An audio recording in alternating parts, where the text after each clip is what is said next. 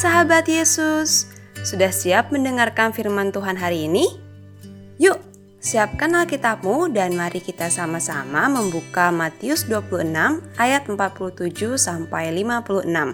Matius 26 ayat 47 sampai 56. Kalau sudah, biarkanlah Alkitabmu tetap terbuka. Ayo kita berdoa terlebih dahulu memohon bimbingan Tuhan agar kita dapat mengerti apa yang akan Tuhan sampaikan melalui firman-Nya. Mari kita berdoa. Tuhan Yesus, terima kasih atas penyertaan-Mu dari hari ke hari, begitu juga dengan kesehatan dan seluruh berkat yang sudah kami terima. Terima kasih Bapa. Hari ini juga kami berkumpul di tempat kami masing-masing dan kami akan merenungkan firman-Mu. Mampukan kami untuk boleh mengerti, memahami, dan melakukan firman-Mu di dalam kehidupan kami sehari-hari. Dalam nama Tuhan Yesus kami berdoa. Amin. Renungan hari ini berjudul Kekerasan hanya menghasilkan kekerasan. Sebelum mendengarkan renungan, mari kita membaca firman Tuhan yang tadi sudah kita siapkan. Firman Tuhan diambil dari Matius 26 ayat 47 sampai 56. Yesus ditangkap. Waktu Yesus masih berbicara, datanglah Yudas, salah seorang dari kedua belas murid itu. Dan bersama-sama dia, serombongan besar orang yang membawa pedang dan pentung, disuruh oleh imam-imam kepala dan tua-tua bangsa Yahudi Orang yang menyerahkan dia telah memberitahukan tanda ini kepada mereka. Orang yang akan kucium, itulah dia. Tangkaplah dia. Dan segera ia maju mendapatkan Yesus dan berkata, "Salam, Rabi." Lalu mencium dia. Tetapi Yesus berkata kepadanya, "Hai teman, untuk itukah engkau datang?" Maka majulah mereka memegang Yesus dan menangkapnya. Tetapi Seorang dari mereka yang menyertai Yesus mengulurkan tangannya, menghunuskan pedangnya, dan meletakkannya kepada hamba imam besar sehingga putus telinganya. Maka kata Yesus kepadanya, Masukkan pedang itu kembali ke dalam sarungnya, sebab barang siapa menggunakan pedang akan binasa oleh pedang. Atau kau sangka bahwa aku tidak dapat berseru kepada Bapakku, supaya ia segera mengirim lebih dari 12 pasukan malaikat membantu aku? Jika begitu, bagaimanakah akan digenapi yang tertulis dalam kitab suci yang mengatakan bahwa harus terjadi demikian? Pada saat itu Yesus berkata kepada orang banyak, Sang kamu, aku ini penyamun, maka kamu datang lengkap dengan pedang dan pentung untuk menangkap aku? Padahal tiap-tiap hari aku duduk mengajar di bait Allah dan kamu tidak menangkap aku. Akan tetapi, semua ini terjadi supaya genap yang ada tertulis dalam kitab nabi-nabi. Lalu semua murid itu meninggalkan dia dan melarikan diri.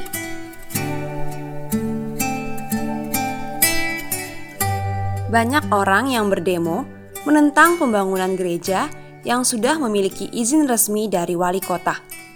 Mereka berteriak agar pembangunan gereja dibatalkan saja sebab warga sekitar tidak menyetujuinya. Padahal, untuk mendapatkan izin wali kota, diperlukan izin juga dari masyarakat sekitar terlebih dahulu. Karena sudah ada izin dari masyarakat sekitar, maka wali kota memberikan izin. Ternyata memang para pendemo itu bukanlah masyarakat sekitar.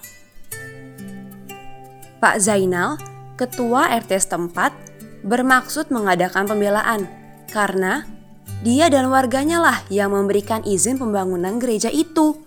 Sebagai warga setempat, mereka tidak keberatan dengan keberadaan gereja di sana karena telah dibicarakan dan mereka mempunyai hubungan baik dengan jemaat gereja itu. Bapak Zainal diam-diam memanggil para warga untuk menghadapi dan kalau perlu melawan dan mengusir pendemo.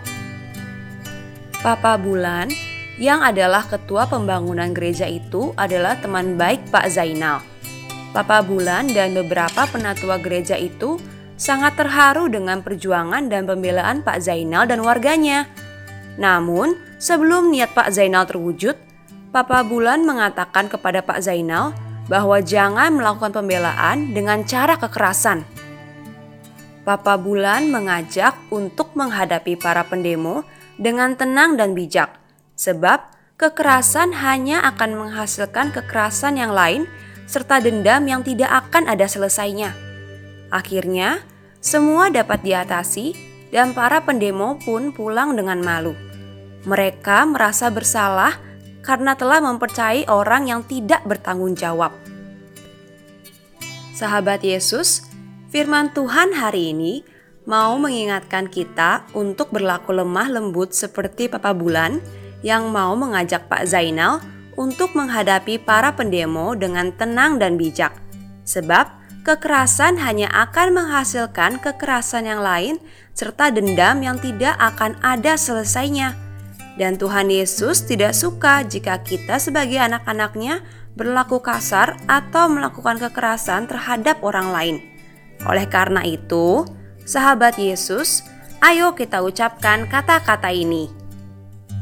Aku hendak berlaku lemah lembut seperti yang Tuhan Yesus kehendaki.